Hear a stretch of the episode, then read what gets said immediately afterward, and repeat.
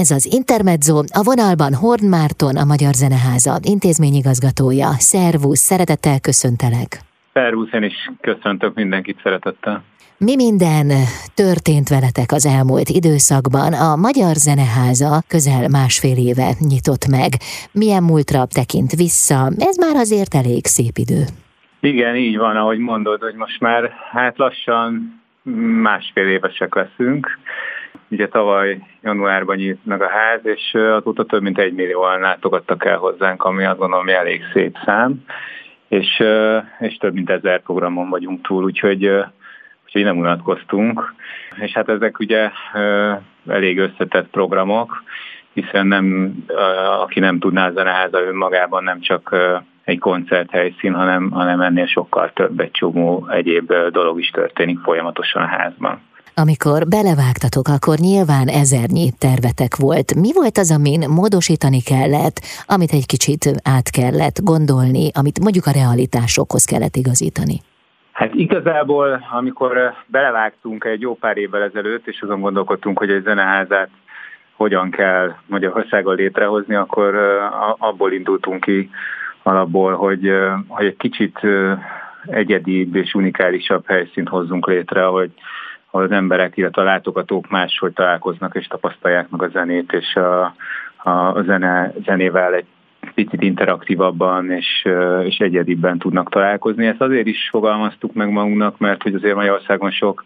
csodálatos koncertterem van, viszont nincsen olyan intézmény, ami direktben az ismeretterjesztéssel, zenei ismeretterjesztéssel foglalkozik. És már így is hoztuk létre a házat, ugye ez a három osztás, ami a házon belül építészetileg is megjelenik a három szinten, az, az a tartalomban is leképződik, tehát ez úgy kell elképzelni, hogy a, ebben a repülő gombak alapban találhatók a zenepedagógiai termeink, és ezzel adva az egyik fontos pillérünket, az előadó szint az a földszint, ahol koncertterem és előadóterem is található, és a föld alatt pedig egy csomó izgalmas kiállításhoz és kiállítás és ahhoz kapcsolódó egyéb hely, helység és, és program kap helyet. És ez a három dolog, ez egy nagyon jól összekapcsolódik, és hát ahogy említettem a programban is ez, ez megjelenik, mert hogy, mert hogy arra jöttünk rá, hogy nem kell világsztárokat elhívni a zeneházába, hanem az lenne a cél, hogy létrehozzunk egy olyan, hát mondhatom azt, hogy márkát, az ember tudja, hogy amikor eljön, akkor mindegy, hogy ki és mi, milyen jellegű fellépő jelenik meg a zeneházában, de, de várhatóan az izgalmas lesz. Ehhez persze idő kell, és azt hiszem, hogy jó úton járunk ezekkel a számokkal, amit említettem, mert általában a látogatóink visszajáró vendégek, és, és nagyon sokan jönnek már úgy, el egy, egy-egy sorozatra, vagy egy-egy témára, hogy, hogy korábban voltak, és egy ugyanolyan fellépő jön hozzánk, akik még nem találkoztak, de, de eljönnek, mert, mert pozitív tapasztalataik voltak az első alkalommal. És nagyjából ez is a missziónk, hogy, hogy egy nagyon magas minőségű, izgalmas, újító és sokszínű intézményt építsünk fel, ahol a zenével nagyon sokféle módon lehet interaktívan és ismeretterjesztő módon találkozni, ráadásul ugye a több generáción keresztül, tehát egészen a legkisebbektől kezdve, tehát van a, még a ringató programunk, az kisbabáknak és a szüleiknek szól, egészen a nem olyan nagyon rég indított senior programunkig, ami, ami nagyon népszerű, ahol például a zenetörténet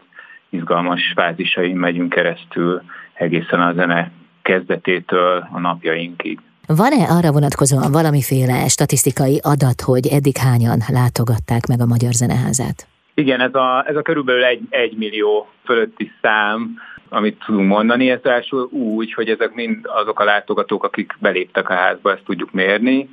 Ebből körülbelül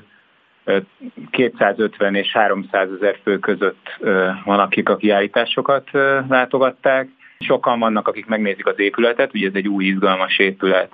aki még nem járt volna nálunk a ligetben. És hát van egy szabadtéri színpadunk is, ahol szintén közel százezer ember fordult meg elsősorban a nyári programjainkon. Ugye nyáron kiköltözünk a, a szabadtérre, és mérsékelten vannak koncertek a belső termeinkbe, viszont az előny az, hogy gyakorlatilag szabad levegőn lehet koncerteket hallgatni. Itt mindenféle koncertet el lehet képzelni, tehát itt nem csak klasszikus zenei, hanem nagyon sok popzenei eseményünk is van, ahogy egyébként bent is, sőt mozi nyár, nyár esti mozivetítéseink is vannak, csak hogy ezek sem hagyományos módon, ahogy egyébként a legtöbb programunk az nem hagyományos módon történik a házban, ez a nagy kihívás és a misszió a zeneháza tekintetében, hanem, hanem például ezek a filmvetítések is élőzenével kísért filmek, tehát mondjuk egy, egy példát mondjak, egy nagyon híres egyébként szovjet a 20-as években bemutatott néma film, aminek az a cím, hogy Ember a felvevőgéppel, ez a korabeli 29-ben bemutatott film a Szentpétervárnak a életét és hangulatát mutatja be nagyon avantgárd és izgalmas módon. Erre fiatal zenészek komponálnak művet, és ezt mutatjuk be élőzenével itt a szabadtéri színpadon. De egyébként, ha már említettem a szabadtéri színpadot, mindenképp meg kell említeni, hogy, hogy, hogy itt nem csak magyar fellépők, hanem külföldi fellépők is lesznek, például a Szigettel, Sziget Fesztivállal közös projektünk, hogy, hogy a világ minden részéről hozunk tradicionális zenei előadókat, lesz Kubából, Malaviból, Reunion szigetéről, tehát nagyon sokféle fellépőnk lesz itt a nyár folyamán, de, de lesz tradicionális mm, hazai, tehát folk zenei előadóink is, például a Tánc a Parkban sorozatunk, amikor néptánc esteket tartunk szintén itt a szabadtéri színpadon. Szóval érdemes ellátogatni, mert hogy ezeknek a programoknak a nagyon nagy része az ingyenes. Köszönöm szépen. Visszatérünk még részletesen a jövőbeli programjaitokra, folytatjuk a beszélgetést. Vendégem Horn Márton, a Magyar Zeneháza intézményigazgatója, itt az Intermedzóban. Az Intermezzo vendége Horn Márton, a Magyar Zeneháza intézmény igazgatója. Ugye most már lassan másfél éve nyitott meg a Magyar Zeneháza. Melyek voltak a legsikeresebb programjaitok? Hát teljesen vegyes, mert hogy minden stílusban voltak nagyon sikeres programok. Inkább azt mondanám szívesen, amiket azt gondolom, hogy nagyon zeneházás programjaink voltak, mert hogy a zeneházás programok azt kell tudni, hogy, hogy igyekszünk a fellépőket arra rávenni, hogy hogy ne a hagyományos koncertrepertoárjukat mutassák meg nálunk, hanem valami újat találjanak ki. Ezekből nagyon sok olyan, amikor hazai, tehát magyar és külföldi fellépőknek a kooperációjában jön létre egy-egy zenei est. Ilyen egyébként pont most a hétvégén a Berlin-Budapest programunk, ahol, ami egy elektronikus zenei program, ahol berlini zenészek, magyar zenészekkel közösen lépnek fel a színpadon. Ez egyébként kint és bent is lesz a házban egy, egymás után két napon keresztül, de ehhez hasonló sorozatunk például az úgynevezett kurátori sorozata, ahol mindig valamilyen nagy zenészt, vagy a zenéhez kapcsolódó előadót kérünk föl. Volt már vendégünk Arcsa Veronika, most legutóbb Árdai Istvánt kértük meg, hogy, hogy rakja össze ennek a hétvégének a programját, mert ilyenkor alapvetően nem csak ők zenélnek, hanem azt kérjük, hogy az számukra fontos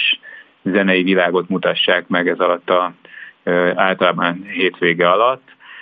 De hogy mondjak egy kicsit mást is, ne csak zenei programot, vagy illetve ne klasszikus értelemben zenei programot, szívesen megemlítem a mini koncertjeinket, amik azért állnak hozzám közel, mert, mert ezek a kiállító térben megrendezett eseményeink, a beszélgetések és koncertek, szintén ugyanennek a zeneházás élménynek a jó mintái. Itt gyakorlatilag január vége óta, ide január vége óta megnyílt a pop történeti kiállításunk, ami egy könnyű zene történetét bemutató kiállítása, az első popzenei felvétel, ezeket az 57, és egészen a rendszerváltásig bezárólag azt az időszakot mutatjuk meg, hogy hogyan mi és mi történt a populáris zenében ez alatt az idő alatt, ami egyébként egy nagyon erősen politika által átítatott időszak volt, nehéz volt megjelenni, nehéz volt koncertezni, nagyon nehéz volt egy lemez kiadni. Ma már azért sokaknak ez nem evidens, sőt nehezen is értelmezhető, hogy hogy hogy lehet, hogy például csak egy tévécsatorna volt, vagy ha valaki hanglemezt akart kiadni, azt egyedül a magyar hangvető vállalatnál, az MHV-nál tehette meg, és ez nagyon komolyan figyelt és cenzúrázott lemezkiadási lehetőség volt, és akkor még nem beszéltem arról, hogy ma már a lemez, mint olyan is egy nagy kérdője, legalábbis a jövője. Úgyhogy ez, a kiállítás ez gyakorlatilag ezzel a témával foglalkozik, és ezen a kiállításon belül van egy úgynevezett klubok tere, ahol azt szerettük volna megmutatni, hogy mennyi sokféle izgalmas klub volt Magyarországon ebben az időszakban, amik egyébként érdekes módon ma már egytől egyig megszűntek, gyakorlatilag egy, egy-két kivétellel már nem léteznek. És ez a klubtér, ez egy valós élő klubtér, nem csak egy kiállítótér, hanem magában a kiállításon belül is hónapról hónapra vannak vendégeink, mindenféle verzióban, punk zenekar frontemberétől kezdve Ákoson át, most például Mennyhárt Jenő lesz a következő ebben a hónapban, aki az Európa kiadó frontembere. Úgyhogy ilyen színes programjaink is vannak és voltak, de hogy még egyet említhessek, ugye az oktatás, ami számunkra kiemelkedően fontos, a zenepedagógiai az oktatás, ugye 350 osztály látogatott el hozzánk egy év alatt, ami szerintem elég jó és szép szám, de hát ezt szeretnénk még tovább nyitni, hogy minél többen tudjanak a zeneházába egy-egy zenepedagógiai foglalkozáson részt venni, és elindítottuk nem csak a középiskolai és az általános iskolai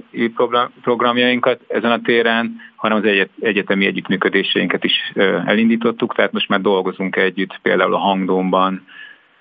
a Zeneakadémia növendékeivel, illetve dolgozunk a Pécsi Zenetudományi tanszékkel is, és most már külföldi partnereink is vannak, az UDK Berlini Egyetem, illetve a Bécsi Zeneakadémiával is van együttműködésünk. Ezek általában úgy néznek ki, hogy, hogy a külföldi diákok a zeneházában hoznak létre tartalmat, és itt mutatjuk be ezeket. És egy utolsót ugyanehhez kapcsolódóan most nyáron lesz a MOME Fesztivál, most már másodjára rendezzük meg az úgynevezett Intermezzo Fesztivált, ami azért is különösen izgalmas, mert hogy ez olyan összetett fesztivál, amiben van képzőművészeti zene is, és mindenféle a zenéhez kapcsolódó egyéb művészeti ág, és ezt egy az egyben a momés diákok találják ki, és szervezik és bonyolítják itt nálunk a házban, gyakorlatilag mi ezt szakmailag támogatjuk. Köszönöm Úgyhogy szépen. Sok, ilyen, sok, sok színű programunk van, igen. Horn Márton, a Magyar Zeneháza intézményigazgatója a vendégem itt az Intermedzóban. Jövünk mindjárt vissza. Az Intermezzo vendége Horn Márton, a Magyar Zeneháza intézményigazgatója. Elindult a Magyar Zeneháza, nagyon sokáig vártok, én emlékszem a készülődésre, amikor Batta András rendszeresen bejelentkezett és elmondta, hogy éppen hol tartotok. Hát most már megnyitott az intézmény, ennek már több mint másfél éve. Mennyire figyelitek a közönség, a látogatók igényét, mennyire monitorozzátok azt, hogy ők mit szeretnének, figyelembe tudjátok-e venni a terveknél? Ugye attól, ahogy említetted, hogy, hogy még ugyan egy éve, egy éve, kicsit több, ugye, mint egy éve rendeztünk koncerteket, ettől még sok minden változik és alakul, sok mindenre tudunk reagálni. Látjuk, hogy mik azok a programok, amiket inkább preferálnak az emberek, mik, mik azok a programok, amiket nagyon szeretnek, de nem feltétlenül értenek elsőre, ott nyilván kommunikációban kell megtámogatni, illetve hát a, a sorozatok azok nagyon érdekesek, mert hogy csak egy példát eh, mondjak, eh, elindítottuk a senior sorozatunkat, amit szerettünk volna az idősebbeknek külön programot szervezni, főleg olyan napszakban, amikor valószínűleg eh, ők jobban el tudnak jönni a házba, és ez például egy kis programként indult, és már annyira megnőtt, hogy most már a koncertteremben teljes házban fogjuk ezeket ősztől megtartani. Tehát látjuk, hogy ha valaki ellátogat hozzánk, akkor egy idő után, és működik, és jó a program, akkor egy idő után népszerű ez is híre megy. És hát egyrészt monitorozni, ilyen szempontból monitorozzuk, hogy mi levonjuk a következtetéseket, hogy mik azok a programok, amik, amik jók és nagyon jól működnek, és érdemes őket továbbvinni, ilyenek az említett kurátori estjeink is, akkor ehhez hasonló a Város a házban sorozatunk, ami egy-egy vidéki városnak a, a világa és zenei és művészeti programjai mutatkoznak meg, de egyébként az ideérkező vendégeket kérdezzük is, tehát készítünk folyamatosan kérdőíveket, hogy lássuk, hogy, hogy egyébként miért érkeznek a házba a vendégek, mert nyilván sokan vannak, akik az épületet, magát a házat, hiszen a ház is önmagában nagyon érdekes, meg izgalmas kortás művészeti alkotás. Azt gondolom, hogy viszonylag kevés jó világszínvonalú kortás épület van Budapesten, e, jó, ha elindulnak az ilyen építészeti projektek, és ezért is látogatnak sokan ide, akár külföldiek, tehát van, aki azért jön csak ide a ligetbe, mert szeretné a zeneházát, mint épületet megnézni, és ha már itt van, akkor gyakran azt veszük észre, hogy hát megnéz egy kiállítást, és van olyan, aki úgy jön, hogy hát hallott a zeneházáról, és hogy ő az egész napot itt szeretné tölteni, és ajánljunk neki erre az egész napra programot. És azért ezt tudni kell, hogy attól, hogy nagyon összetett a ház, nagyon sokféle a program, ezért nagyon sok minden zajlik általában a házban, akár egyszerre is, tehát most mondjuk ez extrém eset volt, de például a keddi napunkon öt házas program volt párhuzamosan, és ez, ez itt úgy kell elképzelni, hogy a hangdomban például bemutattuk a, egy új előadásunkat, a, egyébként szerintem érdemes ellátogatni, bár én azt gondolom, hogy mindenre, de, de Rosda Endre festőművész 110. születésnapja lenne, és a Várfog Galériával közösen mutattuk be az ő egyik munkáját, ami Bartók Béla kékszakálú hercegvárának a festménye, és, és magát a művet halljuk ezen a nagyon speciális 32 hangszórós technológián keresztül, és magát a festményt dolgoztuk fel egy animációs formában, illetve hát dolgozták föl a, művészek, és mindeközben ehhez a festményhez Dargai Marcel készített kortás műveket, és ezt lehetett meghallgatni az előadóteremben. Eközben az opera beavatunk zajlott a nagyteremben, ami már a tizedik és lezáró alkalmához ér, de folytatódik majd ősszel. Itt a bánkbánt, Erke bánkbányát lehetett egy, egy nagyon izgalmas módon megtekinteni és megérteni egy több alkalmon keresztül. Én egyébként sosem gondoltam volna, hogy tíz estén keresztül lehet egy, egy művet elemezni és bemutatni, de annyira izgalmasan teszi ezt a szerzőpáros, hogy, hogy mindenkinek ajánlom, hogy a következőre is majd, ami valószínűleg a bohém élet lesz, látogasson el. És mindezután még a szabadtéri színpadon, hogy a sokszínűséget tovább fokozzuk,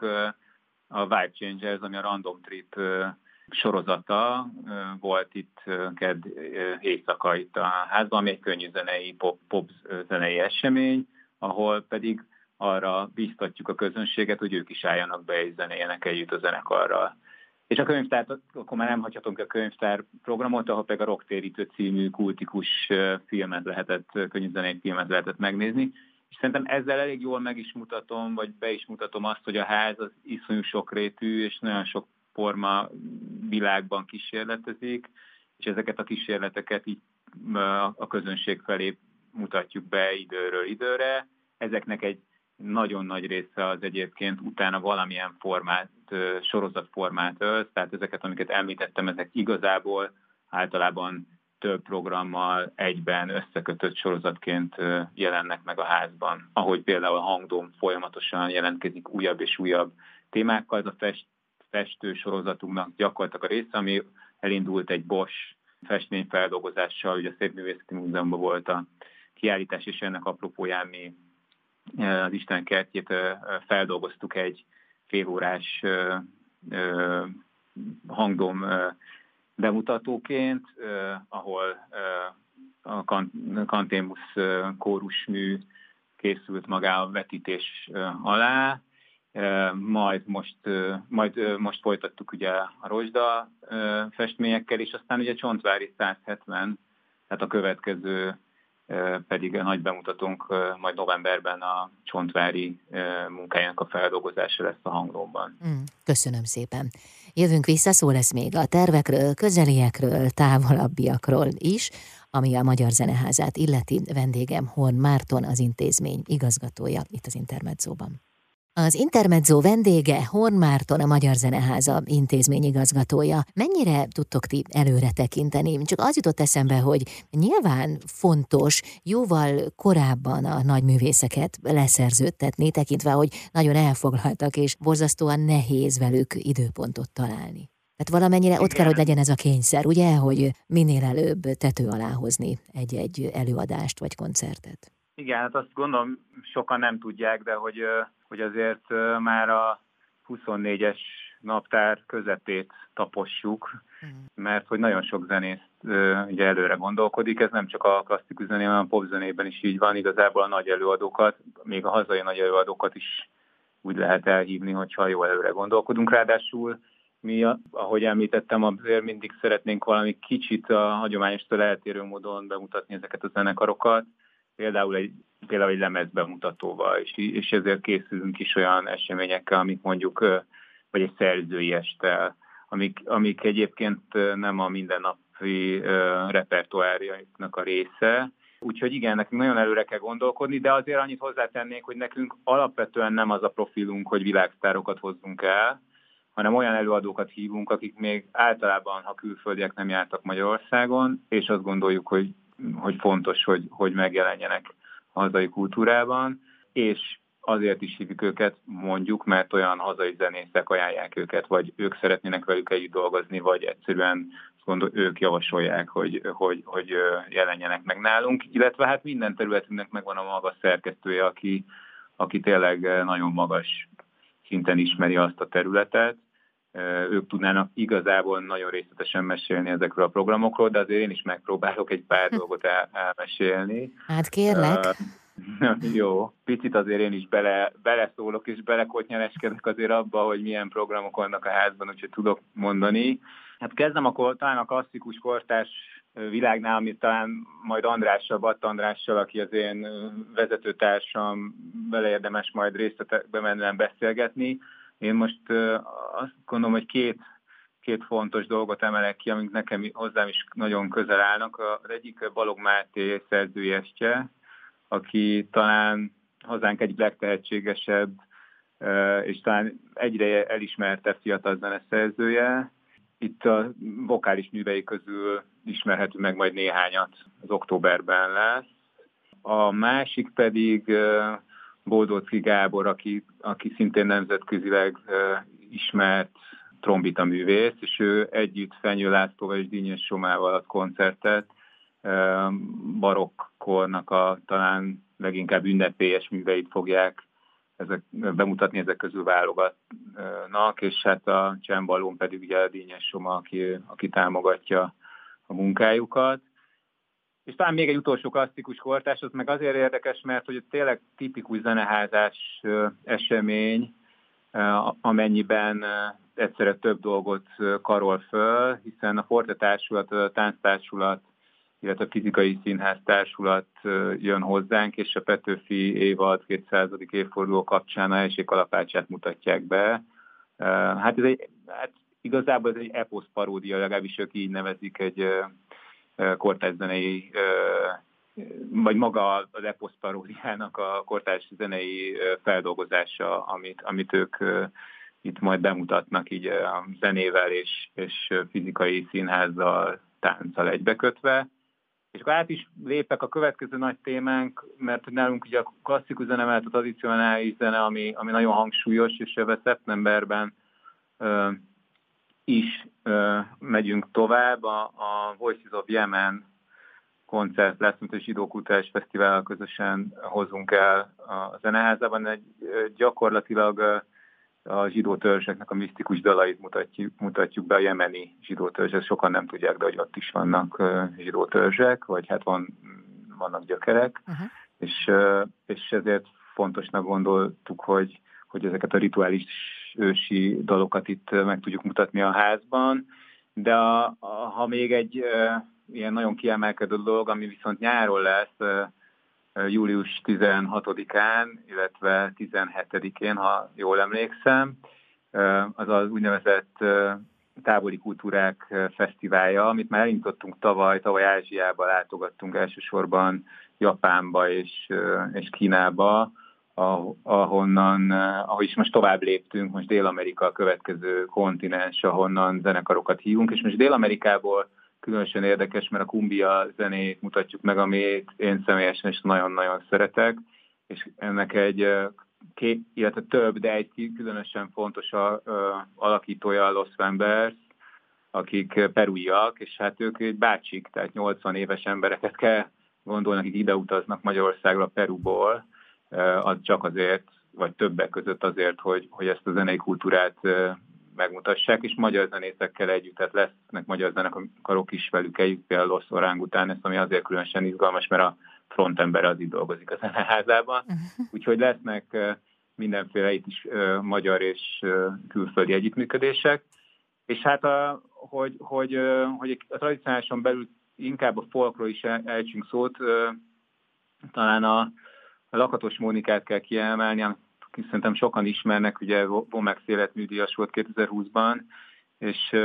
és, és most egy szólóval, gyakorlatilag csak énekkel érkezik a házba, csodálatos hangú roma énekesnő. Őt is novemberben is mindenkinek szeretettel ajánlom, de, de lesz de lesz fiatal népzenészestünk rendek között vonók mögött címmel, amely azt feszegeti, hogy milyen ma a népzene, azt a kérdést kört járják a fiatalok körül, és, és hát akkor még a pop, amit nem hagyhatok ki, tehát a pophoz kapcsolódó témakörök, lesz klasszikus, komo, klasszikus nagy előadóink is lesznek, Szörényi Levente érkezik hozzánk egy este, beszélgetés és zene, Bereményi Géza és másik János Csetamás 80 programsorozat keretében Háború van címmel egy estet tart nálunk. Bródi János már volt nálunk, de egy másfajta beszélgetős este érkezik, tehát tényleg csak hogy a nagyobbakat említsem, és hát, hogy a fiataloknak is egy párat, hogy emelje ki a, a Hip Hop 50 nevű ö, estünk, ott a, a Hip Hop 50 éves, vagy születésének 50. éve alkalmából egy este tartunk, ahol, ahol tényleg a legnagyobb hazai hip-hopperek fognak fellépni, csak egy párad ö, említsek Koli, Said, Gege, Lil Frak, tehát tényleg a, tényleg a, a, a krémje lesz itt a hip-hop zenén, hazai hip-hop zenének, vagy, vagy például Kollár Clemens László Kamara zenekarra, zenekarral ugye formációba jön most, vagy Bértesi Robertet tudom említeni, vagy akár a Vadfuttikat. Szóval nagyon-nagyon sokféle dolog lesz a házban, és a két olyan még talán nagyon jellegzetes zeneházás programot utoljára, az egyik az a Berlin-Budapest Express, a másik pedig, a, ami ugye elindul most a hétvégén, amit említettem, de ez folytatódik szeptemberben, ahol hazai és berlin előadók lesznek elektronikus zenei fronton, és, a, és, és hát lesz, lesz ugye avantgárd koncertünk is, ami, ami Poi Ueda, aki francia jazz és és japán tradicionális zenének az ötvözése, ami azért érdekes, mert ilyen nem nagyon van szerintem Magyarországon, és úgy általában még nálunk sem, úgyhogy ez, ez is szeptember végén lesz a zeneházában. Úgyhogy még nagyon sokat tudnék erről mesélni, de szerintem ez önmagában már elég így ízelítőnek. Hát az idei évet majdnem elmondtuk, jó, egészen szeptemberig, de hát ti messzire tekintetek, tehát nyilvánvalóan lennének már ajánlataid a 2024-ből is, de azt még hagyjuk, visszatérünk rá, mindenképpen hívni fogunk, és mesélsz, jó? Köszönöm szépen a lehetőséget. Jó munkát, sok sikert kívánok, köszönöm szépen. Horn Mártont hallották a Magyar Zeneháza intézményigazgatóját itt az Intermedzóban.